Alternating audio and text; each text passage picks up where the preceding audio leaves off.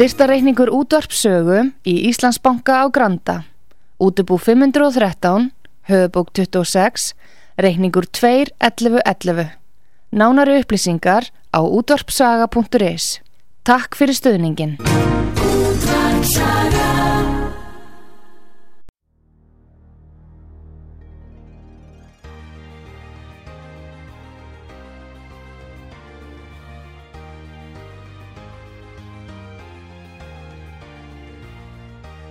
Heimsmálinn í umsjón Pétur Gunnlaugssonar. Fréttir og fréttatengt efni af Erlendum Vettvangi.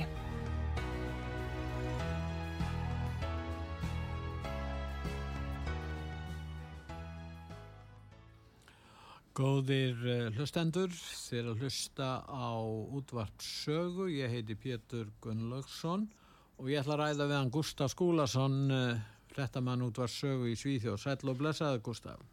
Já, margblessaði Pétur og hlustendur sögu. Nú við ætlum að byrja þáttinn á að lýsa ástandinu sem er ekki nógu gott í Svíþjóð þar sem þú ert stattu núna Gustaf.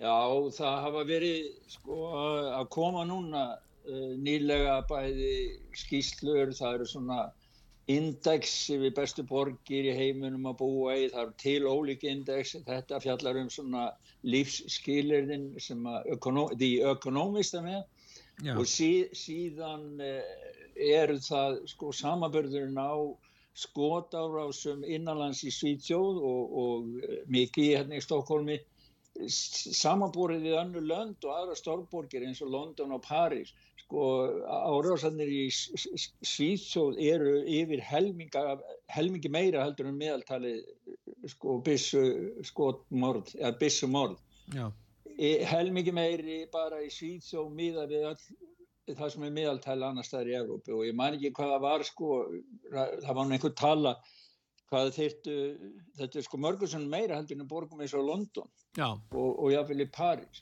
og núna var það sem að hefur vakið aðtíklu og mikið tölvört umtal hér í innanlands í Svíþjóð því að fjölmjöla hér að vera fjallum það, er það að The Times og bladið málgangið The Times sem er nú mjög virt, virt ritt að þeir voru að byrta grein núna það sem þeir eru að segja sko ferði Svíþjóðar frá fríðsömu velferðaríki til þess að vera höfuborg eh, bissumorða í Európu og eh, þetta hefur farið fyrir brjósti á, á mörgum en þetta, þannig hefur þeir bara lýsa þessari þróun sem er, sem er hérna. Og þeir skrifa til dæmis sko, glæpa hópar morðingjar og aðlugun að kreppa rífa þjóðun á hól og þeir, og þeir segja að þetta hafi fælt í ríkistjórnun á síðust ári.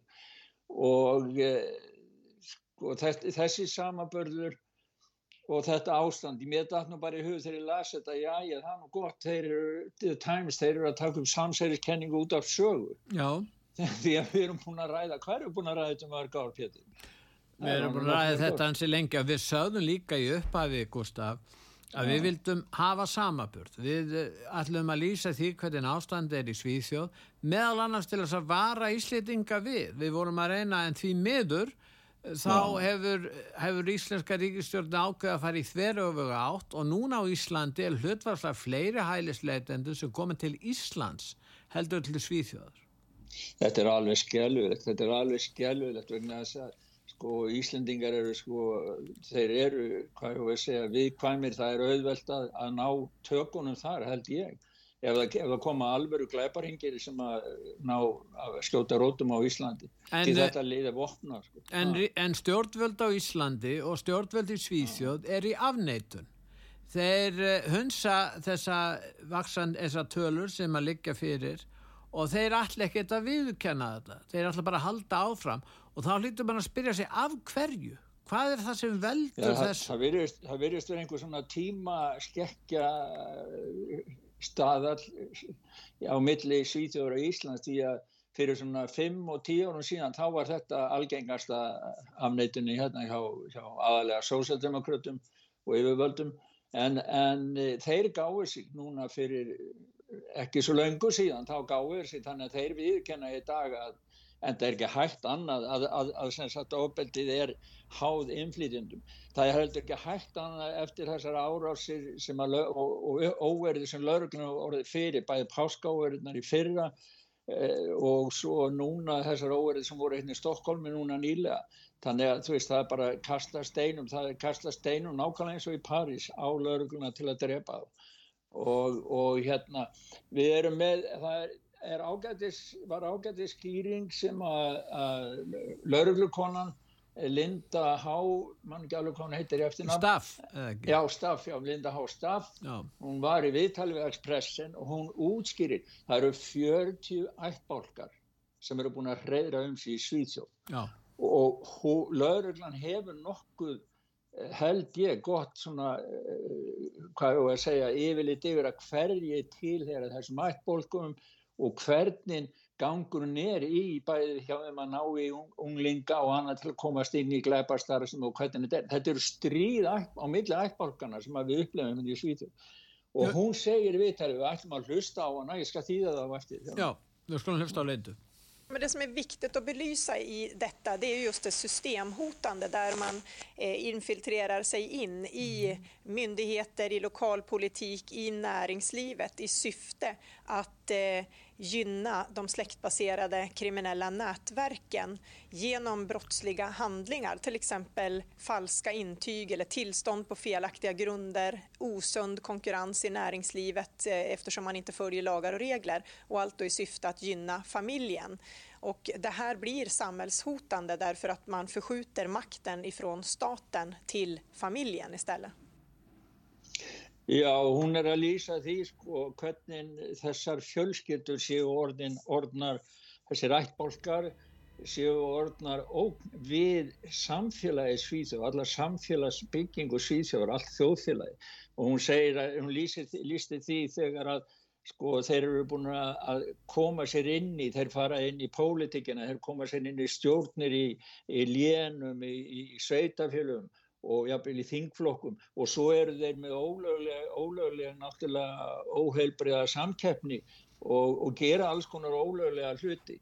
Og hún segir það sko að, að þetta sé samantekið stærsta hættan fyrir, fyrir Svíþjóð sem þjófélag vegna þess að valdið það fer frá ríkinu yfir á þessa ættbálka í staðin ef, að, ef að þetta verður ekki stöðu. En eh, sko vandin var hjá okkur, Gustaf, að menn voru að við fengja heimildir en það liggi alveg fyrir heimildu og það vísa í Times og það er Financial Times og það, það eru uh, viðtöl við, við aðila eins og kemur fram hjá okkur, það eru upplýsingar auðvitað frá lörglunni og það eru upplýsingar til dæmis um að sví Stokkólmun sem var nú einn ein mesta fyrirmyndaborg í heimi Hún er núna að rinja bara í nýjustu hérna, upplýsingum um uh, lista yfir ástand í heimsborgum um 22 sæti. Þetta er algjört hrun sko, það, þetta er næstmesta hrun, það er bara, það er Edinborg hefur hruni meira, ég veit nú ekki alveg af hverju en, en Svíþjóða, Stokkólumir er núna, þetta er næstmesta hrun í öllum einum. Sko. Og svo vantar blóð í blóðbankana, ég menna þetta er farið að hafa áhrif og við erum með hljóðbútum það. Já, við skulum hlusta það, það er viðtal við, við starfsmann, eitt starfsmann blóðbankara sem sænska sjónvarpi var með og svo kemur einhver annar hljóðbútur eftir þar sem ég koplaði saman við. Hlustum á það. Já. Vi kan ta en liten framtid. Det skjuts ju överallt. Uppsala, Eskilstuna, Stockholm, Örebro och det är klart det påverkar sjukvården i övrigt. Hur påverkar det? Brist på blodkomponenter och är det så att det blir alltför stor brist då kan det bli så att regionen som då kan säga att vi får skjuta den här operationen till ett annat tillfälle. Protesterna vid den eritreanska kulturfestivalen i Äggby gård i Järva påverkar nu också biltrafiken. Det är just nu helt stopp för trafiken på E18 Enköpingsvägen och det är vid trafikplats Tensta, alltså mellan Tenstatunneln och Rinkebytunneln. Där är det mängder av människor som rör sig över körbanan och trafiken är stoppad i båda riktningar. Ja, og hann var að segja það að fyrir það var starfsmæður blóðbanka Já. og hann var að lýsa því að e, það hann segði þetta er orðið þjóðulegt vandamál hindi hérna síðþjóð vegna þess að sko blóðbankarnir vinna saman á milli lénana og, og, og sveitafélagana en e, það er skotið svo mikið og fer svo mikið blóð að það er er orðin skortur á blóðu. Þeir tiltóku, ég held að akkurat þá hafi verið blóðskortur á mínus 0 eitthvað svolítið blóðflokki en þetta segir hann, þetta kemur þannig út að við verðum að fresta kannski skurðaðgerðum. Og þetta náttúrulega bytnar á venjulegri þjónusti sem síð þó heldur uppi til venjulegs fólk sem er ekkert að skjóta hvert annað, ef allt blóði fyrir þá sem er að skjóta hverja annað.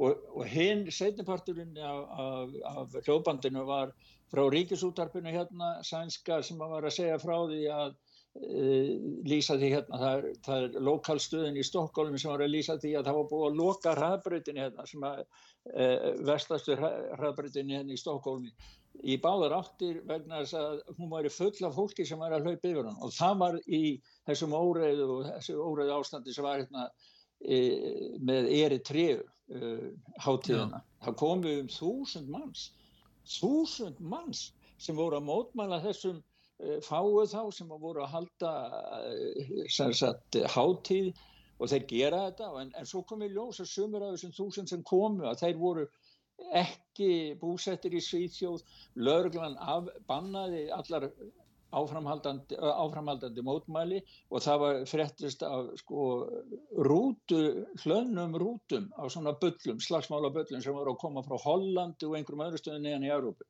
Sama sænir að segja í Þískalandi og ég held í Danmarku líka að, að þessi eri tríu þeir segja það sem er á mótmæla. Það sagði nú einn ein, ein, ein mótmælendi þegar hann var að spörður að því af hverju eru þau að nota grjóta, af hverju eru með þetta ofbeldi?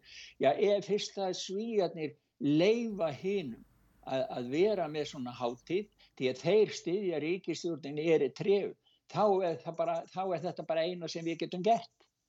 En það er aðtiklisvert Gustaf að það vantar pláss fyrir þessa, alla þessa glæpamenn í Svíþjóð og þarf þá að reysa fleiri fangelsi eða þarf að leia fangelsi í útlöndum. Hvor leiðin heldur að verði farin? Já, þeir eru að tala um það voðalega mikið hérna núna, þeir rekna með því núna því það búið að breyta lögum hækka refsi, sagt, skalan og aðeins að það tvöfaldist þörfin á fangelsum hindi síðu núna næsta árum. Og þeir ná ekki að byggja ný fangelsi eða auka rými til að taka möllu öllum þessum aukningu af, af glæp, dæmdu glæpamönnum sem þeir búast við heldur þeir eru að tala um að lega fangelsi erlendis eins og til dæmis Danir hafa gert þeir hafa leikt einhver fangers held ég í Kosovo Já. og svo hafa norðmenn eitthvað verið að spá þetta líka þannig að það er greinilega verið að prófa þetta á fleiri stöðun og það er það sem er verið að ræða hér. Þeir sjá því að Svítsóð bara hefur ekki plást að búi þar og fangers er full og þeir ná ekki að byggja í þeim mæli sem þar Nú síðan er þessi brunni á helgidituna að vera að brenna þetta helgiditt, kóraninn og þetta er orðið stór alþjóðlegt vandamál svíþjóðar gagvart ínsum ríkum eins og Pakistan og fleiri muslimaríkum og uh, það eru fleiri fartin að, að brenna hérna kóranin, það er til dæmis listakona frá hvað Írak. Og, og uh, þannig að uh, hérna, þetta mál heldur áfram að vaksa og verða erfiðar. Ég hef nú talað um það að það er sérkennlegt að það veri búið að afnema guðlas ákvæðið í Svíþjóð eins og gert var hérna heima. Píratarnir börðust fyrir því að þetta er afnumið þannig að hægt er að ráðast að trúabröðum og svífurð á smána þau. En, en ég held að það hefur verið mikil mistök að gera það því auðvitað eigum ekkert að, að misnota hérna, uh, frelsi til þess að smána og brenna helgiritt finnst mér. Nei, það eru sumir, það er nú þessi kona sem þú varst að tala um hún Já. var í Danmörku og ég, ég hérna eh, hún var með svona það, það, það eru svona frásagnar af förðulegum, það er ekki bara að vera að brenna kóranin, það er að vera að grilla og Já. hún, hún raspaði hann niður, hún var nú mjög þrývalega og tók með sér svona græna krús það myndi að mynd, skeiða þessu á, á heimasíði sögu. Og hún raspaði, reif blæsir úr kóranum raspaði það niður í, í duft og sett hún í kerið og bara þakkaði fyrir sig. Hún sagði ekki neitt, hún bara neyði þessi fyrir og svo fór hún, þetta var einhver gjörningu svona listagjörningu, Já. en svo hérna hafa verið frásögnum um það að það var einhver og það verið sér búið kæra eitt fyrir eh, hattur gegn eh, þjóðfélagshópið þó að þetta sé nú gegn sem sagt Íslam. En, en, en fyrir það að hann grillaði það sá stílans þar sem hann var að grilla kórónun og og svo, í, í, ég held að hafi verið í Linköping. Og svo var annar og það myndbanda því held ég líka á heimasíðu sögur sem var í Gautaborg. Og hann brendi ekki bara kóranin á, grilla ekki bara kóranin, heldur setti síðan beikonski í ofan en það er náttúrulega algjört bara Já, rýtingur já, ég skil. En, en eh, svo voru mikil mótmæli henni Svíþjóð núna um síðustu helgi, ekki þess heldur helgin áður. Já, og það eru myndir sko, og þegar maður sér þessar myndir sem eru á heimasíðu sögu þetta eru svartklætar slæðu konu mikið og, og langa göngur, þetta eru hundruð þúsundir manna sko, þúsundir manna sem er að ganga Já. með fána og, og veifa kóranum. Ég, við erum með smá hljóput þar sem við heyrum konurnar í göngunni þau eru, ekki, þau eru að mótmæla kórana brennunum og halda allar á kóranum já, við skulum heyra það. í Gautaborg og svo hittir hann var að raspa hann hún,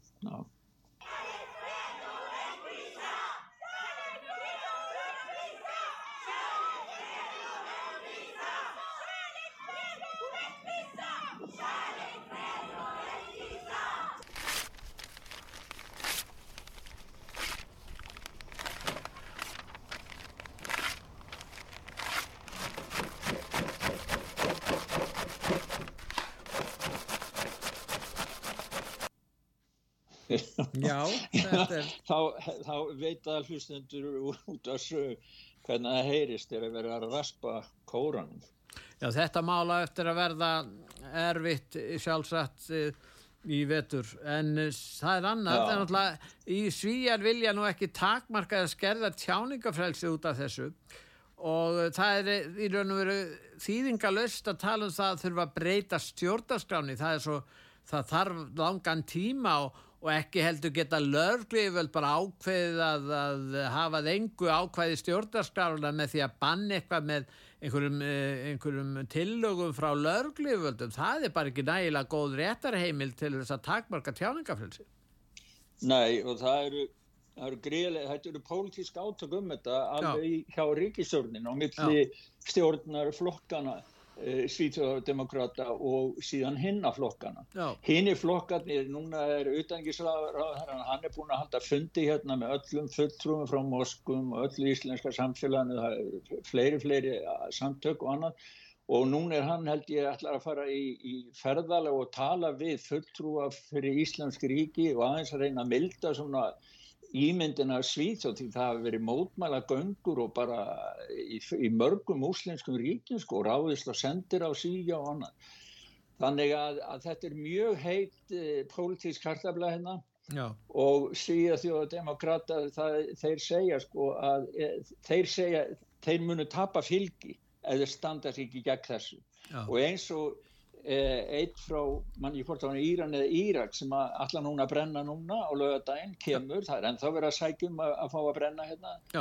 Eh, hann segir það sko, hann, hann vill láta banna kóranin því hann segir þið verðið átt ykkur á því ef þeir eru kristnir, ef þeir taka yfir sem að eru ráða Íslam, ef þeir taka yfir þjóðfélagi, þá eru kristnir réttræpir, gýðingar eru réttræpir og, og svo fram eftir göttunum, hann taldi upp alls konar hluti, þannig að hann vill láta banna, þannig að það, þetta er sko, þetta blandast saman trúabröð og þjóðfélagsvöld. Já, það er eins og konan, þessi listakona segir sko að það er verið að réttlæta kvennakúun með vísan í kóranin. Já, hún var svona, hún hafði svona feminíska Já, hún hafði svona feminist viðorð í já, því. já, við og, og framsetning á, á sín, sínum gjörning sko.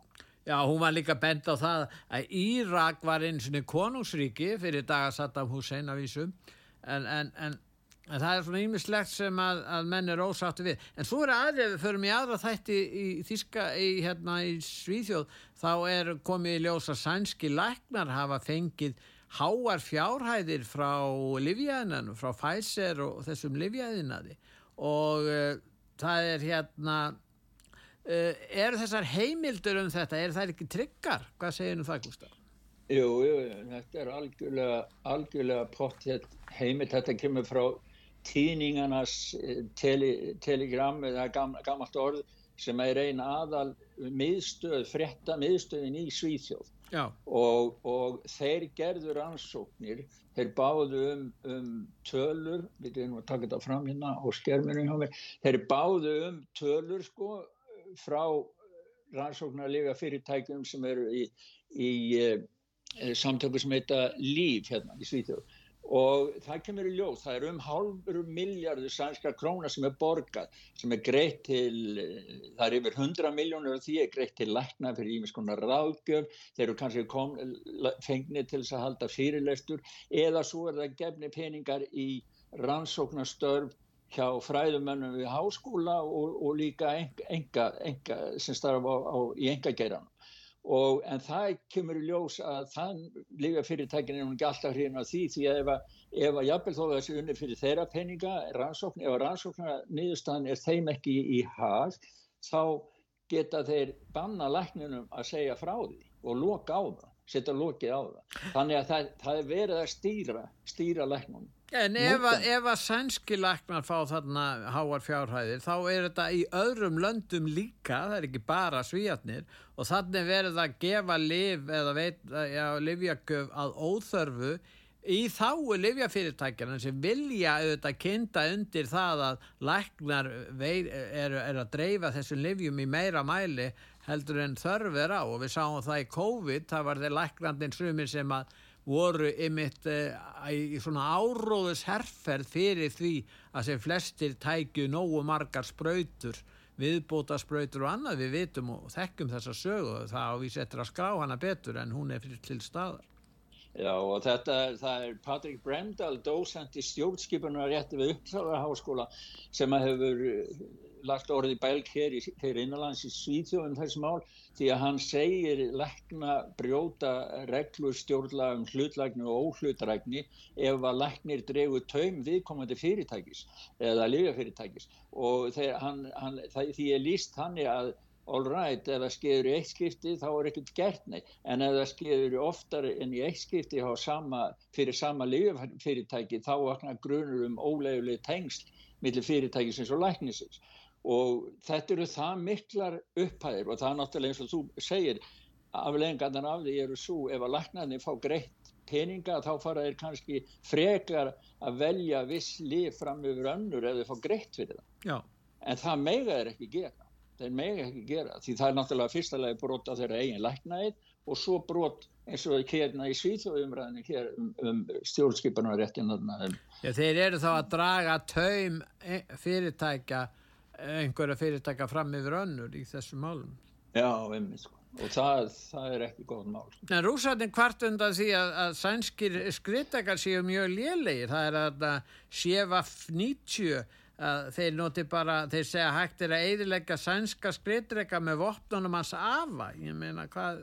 Já, nei, það er minnsband sem hefur gengið hérna á félagsmjölum frá Rúslandi, þetta er náttúrulega rúsneskur áróður, en, en það sem að þeir sína herfóringi eða hátsettan herfstöðinga eru nokkrir kringum einn eh, svona skriðdraga sem þeir hafa náð, náð að taka af ukrænumannum. C90 sem að svíjar hrósuðu sem mikið á að vera að senda og sínda myndir og langar lestir e, flutningalestir með óteljandi svona skriðdrugum á og þeir eru yfir í þessari þessari mynd eða þessu myndbandi þá eru þeir, eru þeir að gera bara stólpagrín aðeins og þeir segja sko og það er nú það sem að sumir aðrir hafa líka verið að segja í sambandi við rússana. Þeir eru, með, eru teknilega yfirbörði og hafa læra og þróast allan tíman á meðan Vesturlönd viðast vera að bara losa sig við gamla græður þeir segja það sko það er í svo lélega skotkraftur í fattpersonu á þessum skriðir Það er einmitt eh, sagt til gagstað hér á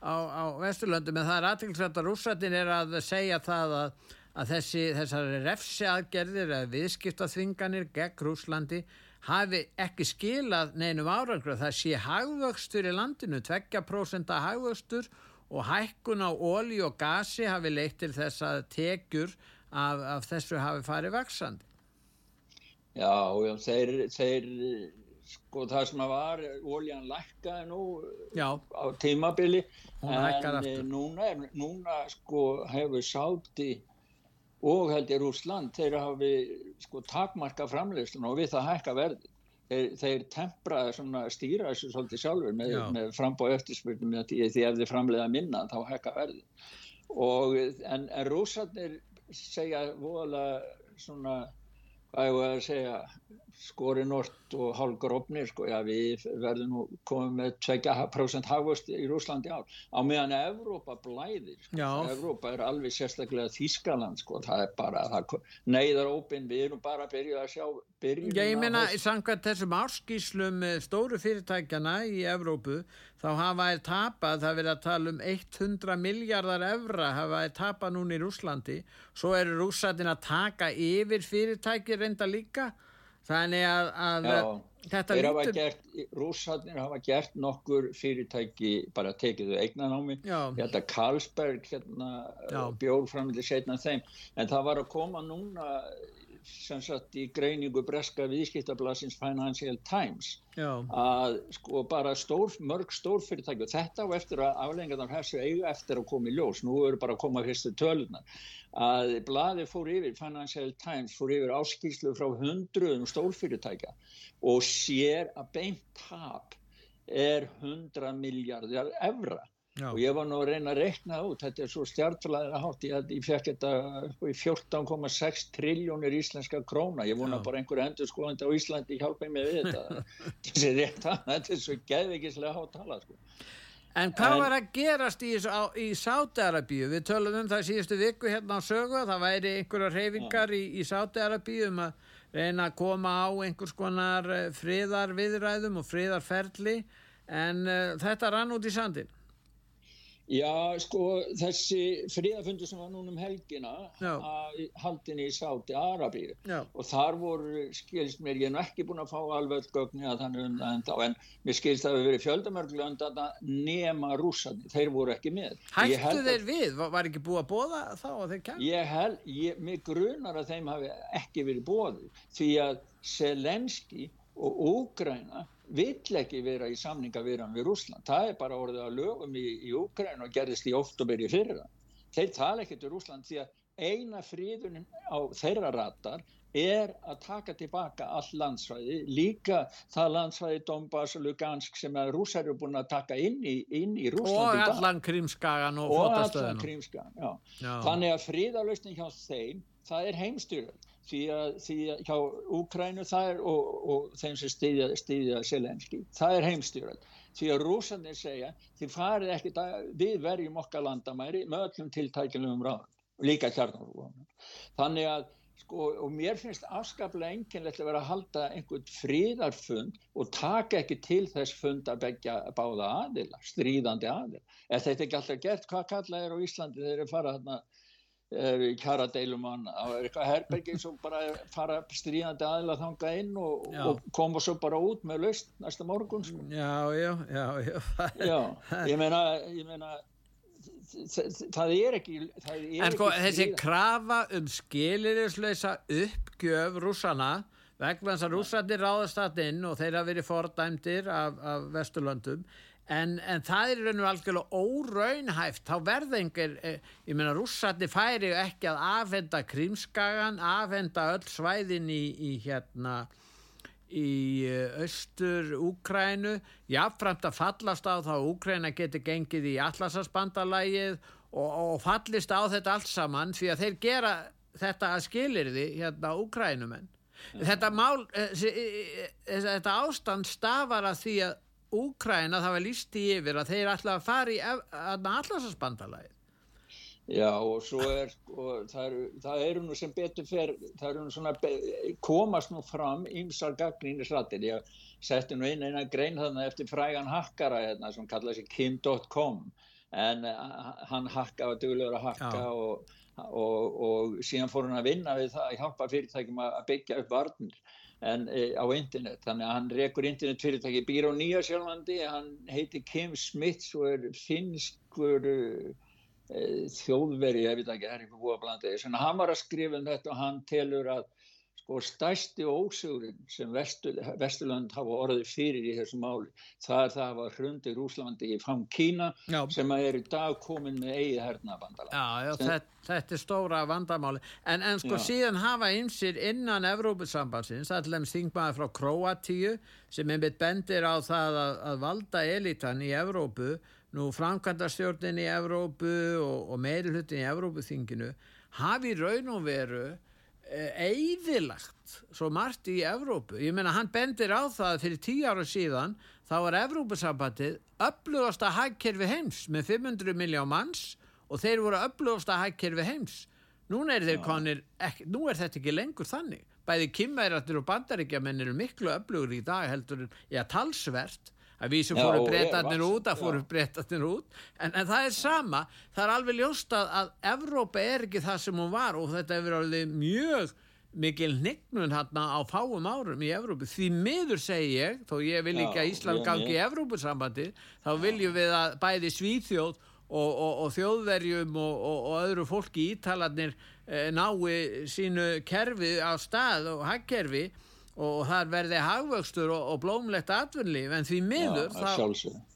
Sjálfsögðu. Og ég hjó, hjó eftir því sem hann sæði sko, hann, hann vísar það náttúrulega í COVID-lokanir og það gildi náttúrulega á mörg, mörgum stöðum. En hann sæði sko að lítil og meðalstór fyrirtæki Európa-sambandinu eiga aðeins eitt stóran óvinn og það er framkvæmda stjórn Európa-sambandsins og meiri hlutin á þessu þingi sann.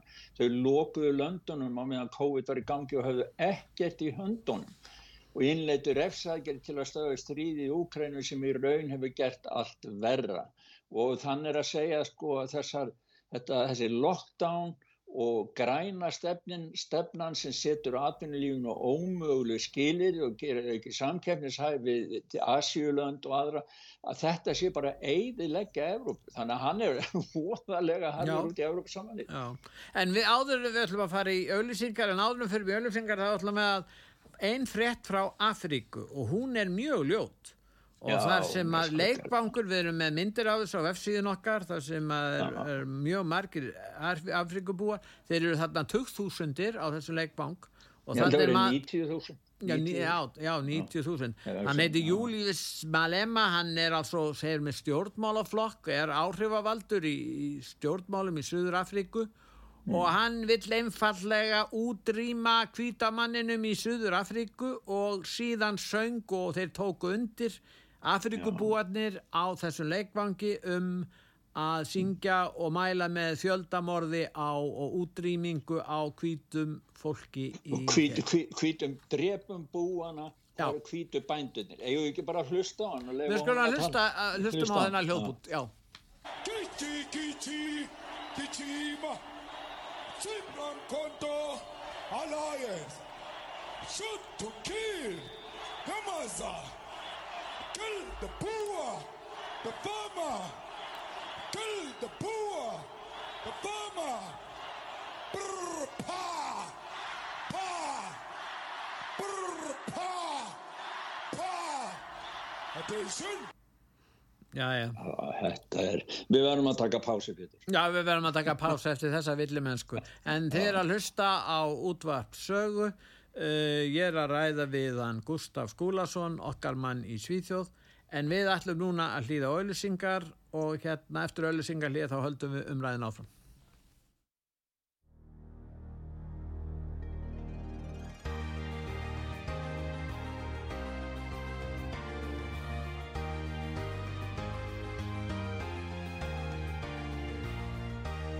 Heimsmálinn í umsjón Pétur Gunnlaugssonar Fréttir og fréttatengt efni af Erlendum Vettvangi. Góðir eh, hlustendur, þið er að hlusta á útvart sögu, ég heiti Pétur Gunnlaugsson og ég er að ræða okkar mann í Svíþóð, Gustaf Skúlason. Nú förum til bandaríkjana og uh, þar eh, ganga stjórnmálun út á það að, að CNN fjallar um ákjærutnar gegn Donald Trump og Fox stöðin fjallar um glæpi bætinfjörskildunar. Þetta er, er pólitíkin í dag, er það ekki? Jú. Já, ég held að, ég held að, er það ekki? Já. Jú, jú, það er þannig mér að republikana þeirra var bent á það þeir taka upp sko í hverskýttin sem þeir komi einhverju afhjúpanir eða þinginu eða annars það, þá kemur alltaf bara nýr saksóknari með nýjar ákæru á Trump. Já, já, já, já hann, en, en það er mikil alveg gríðarlega hark og mér sýnist sko harkan vera bara það er fara að slá neistum um þetta. Magarheyfingin sem er nú Trumps uh, stærsta heyfing republikana eigi halsmanna getur við sagt hún var að senda frá sér nýja auðlýsingamindum glæpi bætin fjölskyldunar Já. og svo er það er hljóputurinn það og svo er annar hljóputur með bætin þar sem hann er að segja að hann hafi ekki gert neitt rámt ég held að við ætlum bara að keira þessa Hefur ekki að hlusta á makka hérna hreyfinguna? Já, það, þetta er auðlýsing Auðlýsing, já. Hey, Joe How come your Justice Department goes after Trump endlessly, yet they cover for your family? Hunter's laptop? Yeah, that was censored, but we know that laptop's real. And it's not just filled with photos of Hunter's drug-fueled debauchery either. Nah, it showed Hunter pocketed millions from foreign partners, cash from Ukrainian and Chinese interests accused of bribery and fraud. And remember when you claimed your family never made money from China? Well, Hunter admitted in court he took their cash. His Chinese business partner was tied to the Communist Party. How did Hunter's partners get meetings at the White House? Your brother, grandkids, even nieces and nephews got paid from foreign deals. Your family and their cronies raked in over 17 million from these schemes. And you, Joe, went from being one of the poorest in Congress to a millionaire in the White House. Come on, Joe. All this a coincidence or corruption? Yeah. Já, nei, þetta var bara að tala upp þarna sem, sagt, eh, sem við höfum nú rætt svo mikið um, sko, þessar ákærur og þessar sannanir sem hafa komið fram, þeir hafa tekið við mútum og það er ekki bara höndibætin og, og, og yfirveld hafa runn á rassin með bæði, bæði rússagæti, ligarnar og síðan ligarnar um það fartölvan, það var sagt að þetta veri rússariðu komið þessu fyrir, nú það allt komið fram að það var bara tóm lígi, talvanir til, og Hunter Biden hefur sjálfu viðkent fyrir rétti að hafa tekið við peningu frá Kína þannig að snaran er að þrengast að Joe Biden allan tíman sko. ja, Það þetta, er auðvitað framburðu Devon Archer sem að byrtist núna á fyrir viku síðan Já. að þá kemur hann fram í fulltrúadeildinni fyrir rannsóknarnemdina og uh, hann er fyrirverðandi starfsmæði fjölskyldunar, Biden fjölskyldunar og og hann greinir frá þessum samskiptum og að fórsetin sé flektur inn í þetta. Og það er svolítið merkilegt að skulle ekki hafa meira fjallað um þetta þegar hann frambur Devon Archer því að hann var bara vinnur, besti vinnur Hunter, Hunter Bidens og, og þeir voru saman í þessu hvort sem þeim voru í Úkræn eða annar staðar. Þannig að hann er bara viðskiptafélagi hans og, og vinnu fjölskyldunar. En hann er að lýsa þessu og hann, hann, hann, hann Þannig ég meina, er þeir að halda því fram að Devon Archer hafi bara búið þetta til og af hverju ætti hann að gera það? Já, það er góð spurning. Af hverju ætti hann að setja sig upp á bóti besta, bestu fjölskylduvinnum sínum og, og, og valdamestamanni heims? Ég meina, hver, hver er skýringin á því? Já, það, það er sko mjög góð spurning, Pítur. En hérna, sko, og svo ættum við, við ættum kannski að hlusta á hljópútin hérna með honum sko hann, þessi Demon Asher, hann kom með smá aðrið sem að, sko, eru bara sönd, þú veist, það er engi leið fyrir það að komast hjá því, sko, eins og Nei. hann listi svo nákvæmlega hvernig þeir fóru að þessu þegar Joe Biden var beðin af spiltu eigundum þessa úkrænska orkufyrirtæki. En það eru tölvupostar sem styðja framburðans líka. Já, já, þannig að þetta er sko en eh, Biden svo er smá að við svona með Biden en við ætlum að heyra það. Að heyra hvernig hann er að verja sig. No one's established that he did anything wrong or that I've done anything wrong. Period.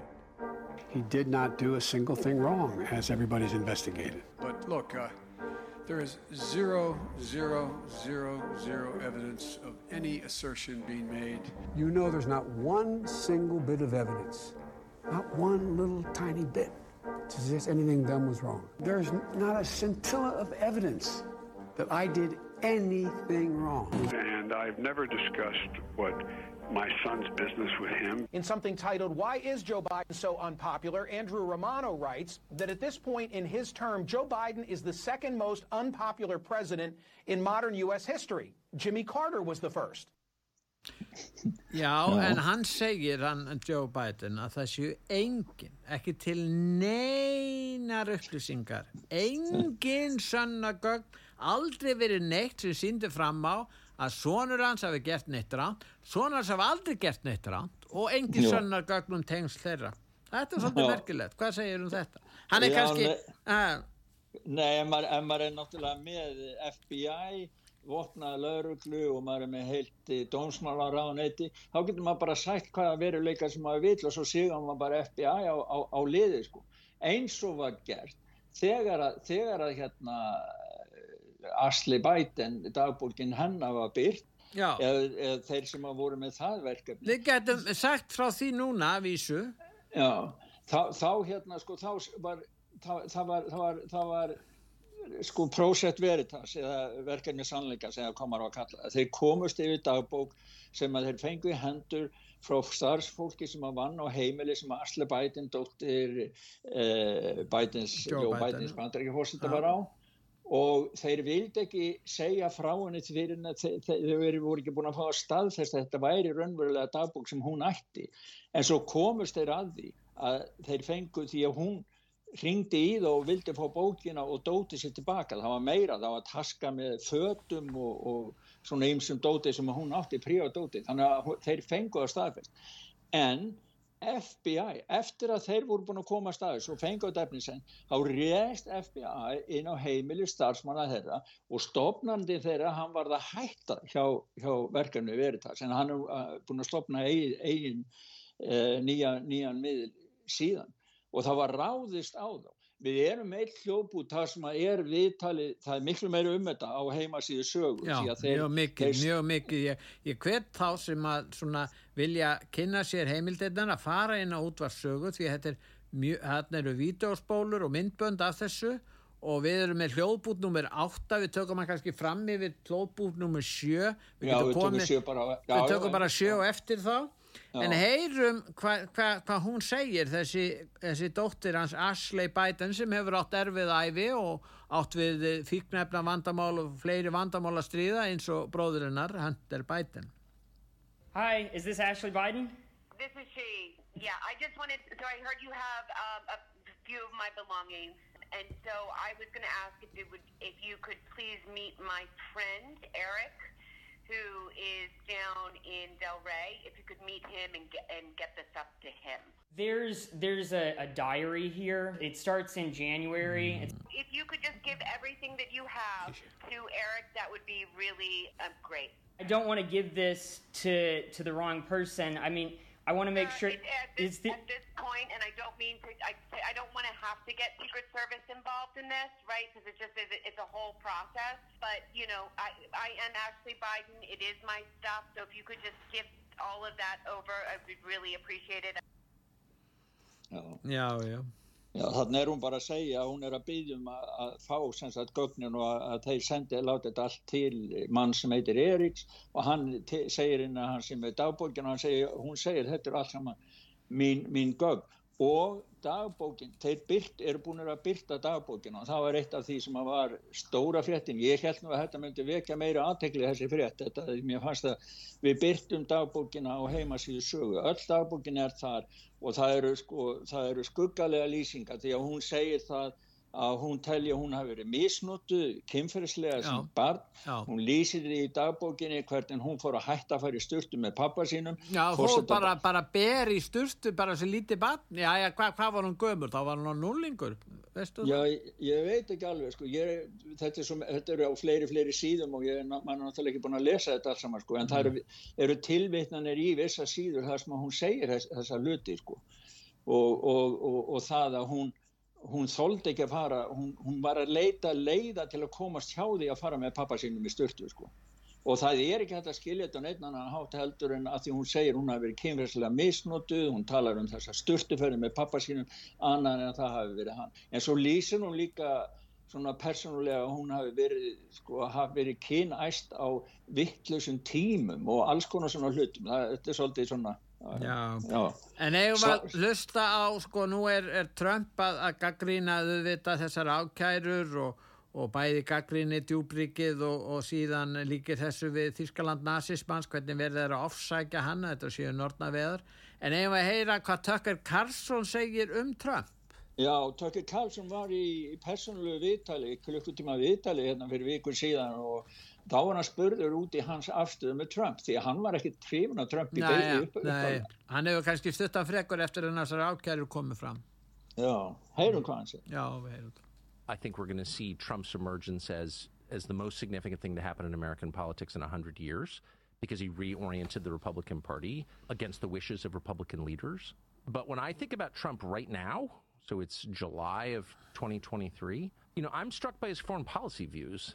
you know, Trump is the only person with stature in the Republican Party, really, who's saying wait a second, you know, why are we supporting an endless war in Ukraine? And that, you know, leaving aside whether Trump's going to get the nomination or get elected president or would be a good president, you know, I can't even assess that. All I can say at this point is I'm so grateful that he has that position. He's right. And everyone in Washington's wrong. Everyone. And Trump is right on that question. And it's a big question. That war is reshaping the world. It's reshaping the economy of the world. It's reshaping populations. The ref- I mean, I was just in Romania last week, you know, which is, of course, shares a border with Ukraine. The, the refugees in that region, the number of people killed in that war, I mean, Europe will never be the same. Nú það sem Tucker segir um, um, um Trump að hann hafi breytt republikanaflokknum, þetta sé mikil breyting á þessu flokki og mesta breyting sem hefur átt í stað þetta bara í hundrað ár. Og í öðru lagi sem hann leggur þunga á að slá er að uh, Trump er í raun og verið eini stjórnmálamadurinn sem hefur einhver áhrif í bandaríkjunum sem að stiður aðra auðaríkistefnu en þá sem er ríkjandi. Það er að segja vill draga úr afskiptum bandaríkjamanna af hérna, styrjaldar átökum utan bandaríkjana og þar á meðal í Úkrænu og hann er ánað með það að hann veit alltaf ekkert hvort að hann ná eftir stöðunni að vera fósitt en bussi frá því þá var hann þakklátur að, að hann skuli þá taka þessa afstöðu í utanríkismálum og það er þess vegna og það er mikilvægt að aðtúa það hvort að þetta málefni eigi eftir að hafa og hlýtur að hafa mjög mikil áhrif í kostningabarutinni ef að Trump verður frambjóðundir republikana þar að segja afstæðan til uh, innrásarinnar og stríðsins í Úkrænum. Já, heldur betur og það var nú eitt hérna sem hann sagði það ef Trump er í korsin kjörinn fórsetið þá myndir bandaríkinn fara úr NATO. Já, John Bolton heldur þessu fram. Já, Hann er, hann er ekki búin að ná sér, hann var öryggisrákjað en Trump rakkan, hann er ekki búin að ná sér eftir það. Já, já, en, en sko, já, og, og, en, en það er út af þessu sem að þeir sættast ekki við Trump því að hann er að talað um að, að svindl og svik hafi átt sér stað í fórsýttakostingunum, en nú já. er Ron DeSantis sem er helsti hérna keppinautur hans innan flokksins, hann lýsir já. því yfir að, að þetta sé rámt hjá Trump það hafi ekki átt sér stað, ég menna svindlega svik sem hafi haft uh, úslita þýðingu um niðurstöðuna í þessum kostingu sem átti sér stað 2020 fórsettakostingu. Þetta getur haft áhrif á stöðu Ron DeSantis sem er ríkistjóri í Florida, er það ekki? Þetta er bara stál, jú, það er það náttúrulega því að hann er kallaður svikari og öllum millin öfnum af hörðustu styrningsmönnum á Trump, Trump-liðni.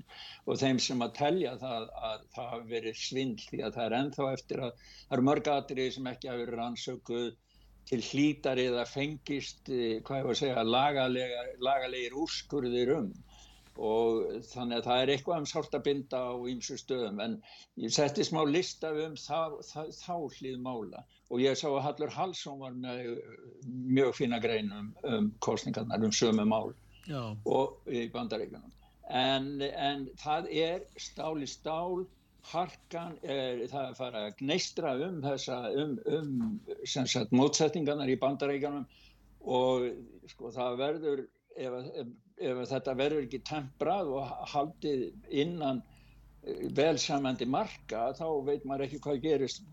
Þetta er orðið það hart fyrir vestan. Já, nú síðan er kannski eh, væri rétt að við hverfum frá bandaríkunum að tala um Hollywood.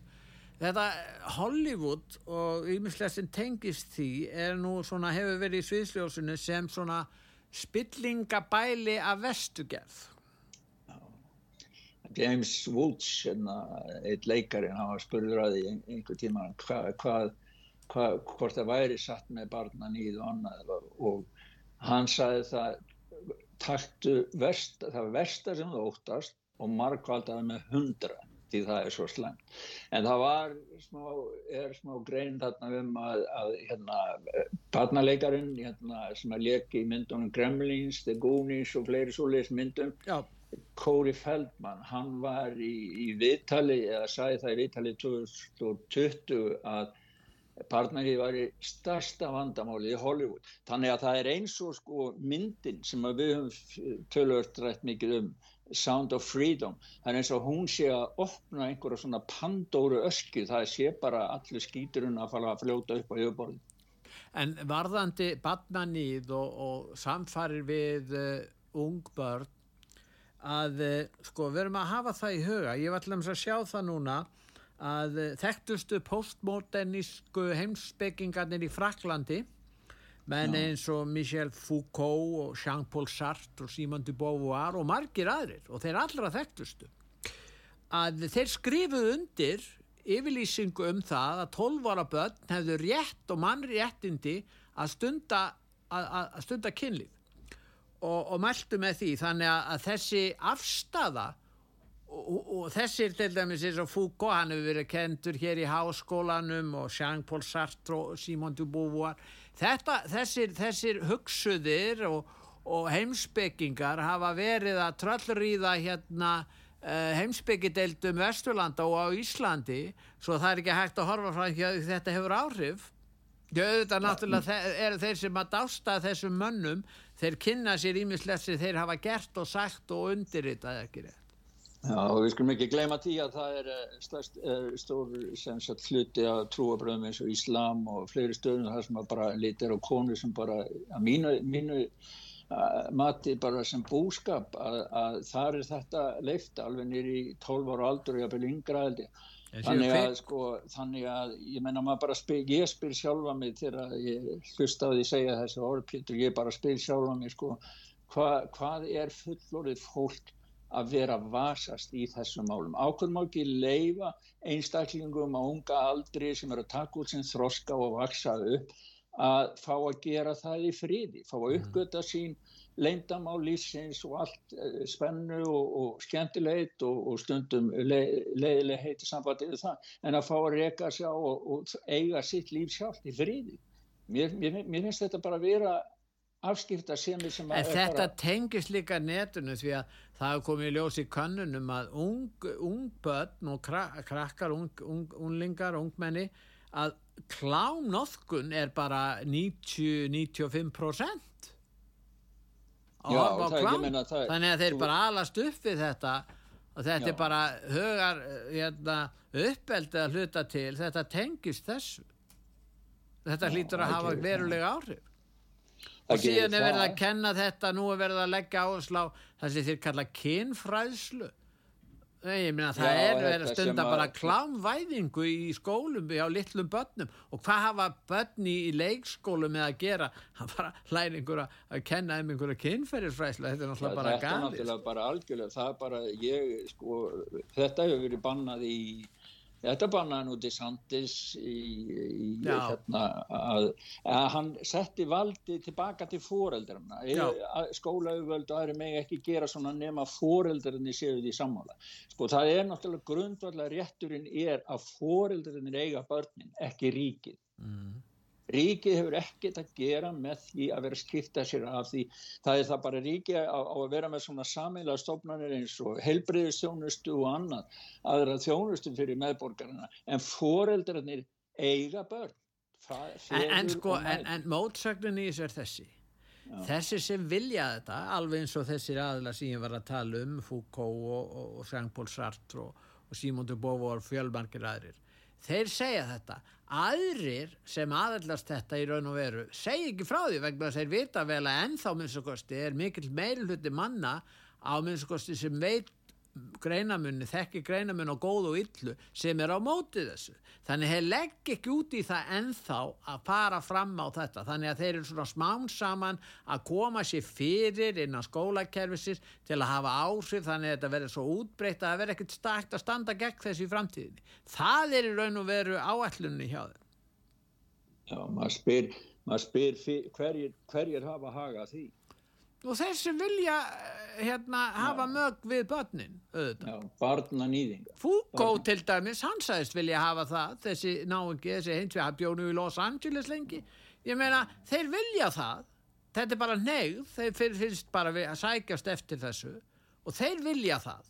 Það var bara bannað, þetta finnst mér. Ég, bannað, mér þetta eru þetta bannað í öllum síðmentuðum samfélögum Já, ég bara, ég verð að, ég verð bara verða að játa það sko, að þegar maður, maður ræðir þessi mál og er að kynna sér og þegar maður fær svona fréttir sko. fólki finnst þetta svo ógislegt það er ekki hægt að tala um, ég skil það mjög vel Já, já, ég bara, þú veist, ég fæ bara ógleði, sko, ég verður bara óglatt. Já, Mér finnst þetta svo er, er, erfið mál, sko. Ég, ég sjálfur fadir þryggja drengja sem er núna eru fullorðnir og eru með fjölskyldur og, og, og komni afkomendur þannig að ég menna sko ég bara síðan á fólk á, á mjög bátt með að trúa því að fólk geti verið svo.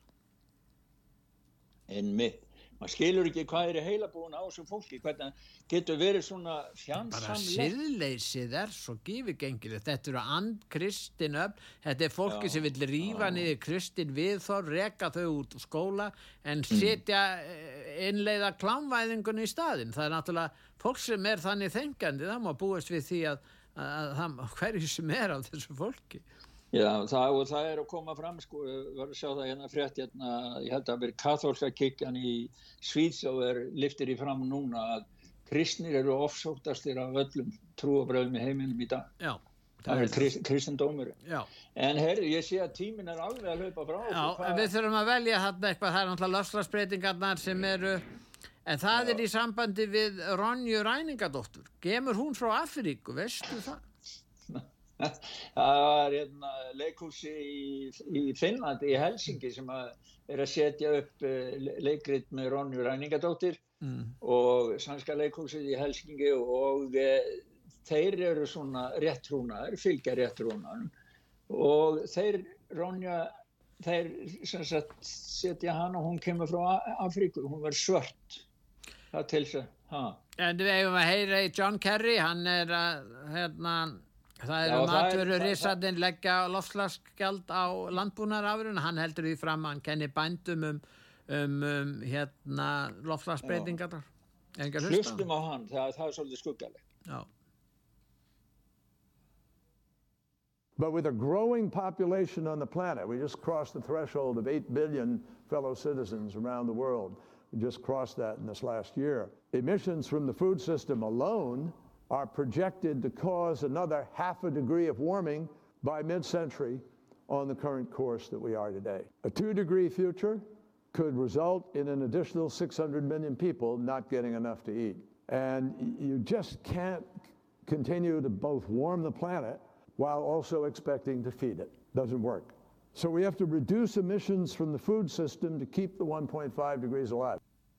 Já, uh, falsfylgunin er, er hættuleg og það þurfum að draga úr. Já, það þarf að draga úr, úr sagt, framleyslu matar vegna þess að mataframleyslan veldur því, því að, að jörðin hittnar. Þetta er náttúrulega bara, sko, já, ég veit ekki hvað, ég hef ekkert orðið yfir þetta, þetta er svo mikið þvæla, sko. En það hefur hann fengið líka gríðalega gaggríni fyrir þessu. Það er um hann mjög íllorð á, á netinu. En við verðum að koma framfæri við hlustendur okkar að það er maður sem heitir Larry Sanger hann er stopnaði stopnaði Wikipedia og hann er að gaggrina það að það sé búið að eiðilegja alfræði orðabókina sem hann stopnaði á sínu tíma og það er á meðal er bandaríska leinithjónustan og fleiri sem er að umskrifa Wikipedia og hann gaggrinu það allega Já, hann segir að, hann segir að Wikipedia sé orðin hlutrægasta sem sagt alfræði orðubók sem til er í heiminum í dag og það er CIA og FBI sem er umskriðan notan.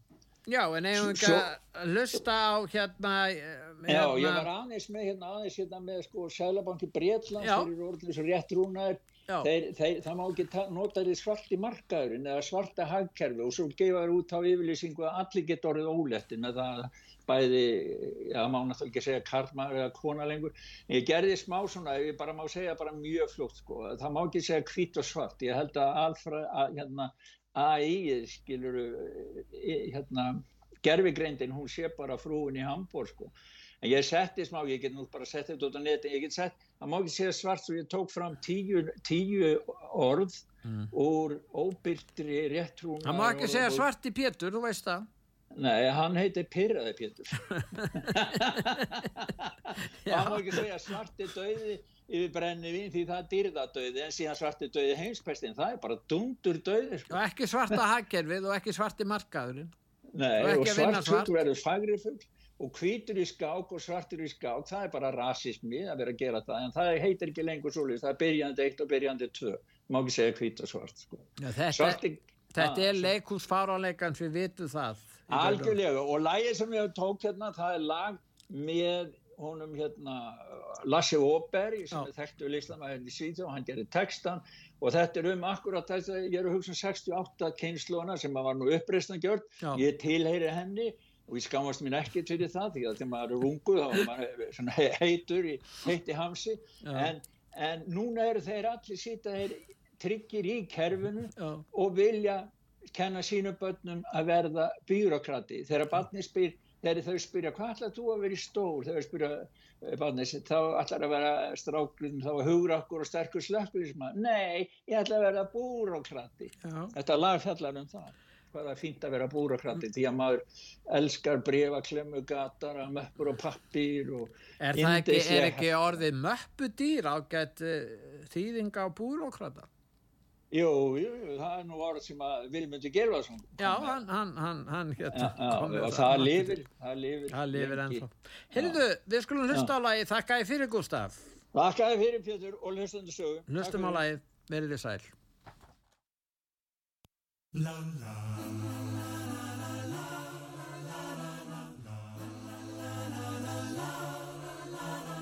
En dag så fråga min mor Vad ska du bli när du blir stor? En modig och stark brandsoldat. Nej, jag ska bli en byråkrat.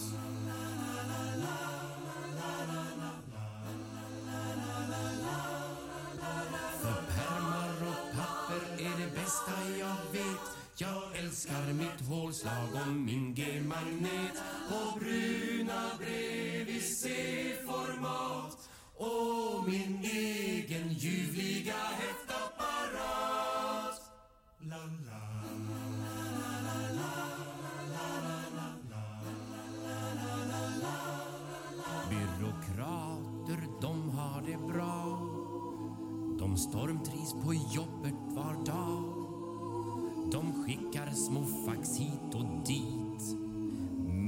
Ambition och mycket flit.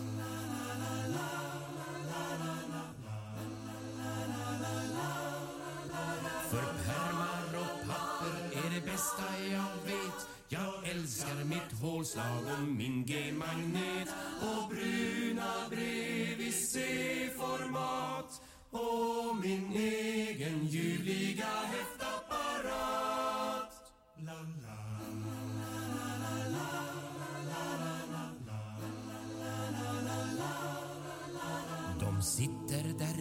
sitt bord och skriver sina svåra ord som avdragsgill och synergi. Så duktig vill jag också bli.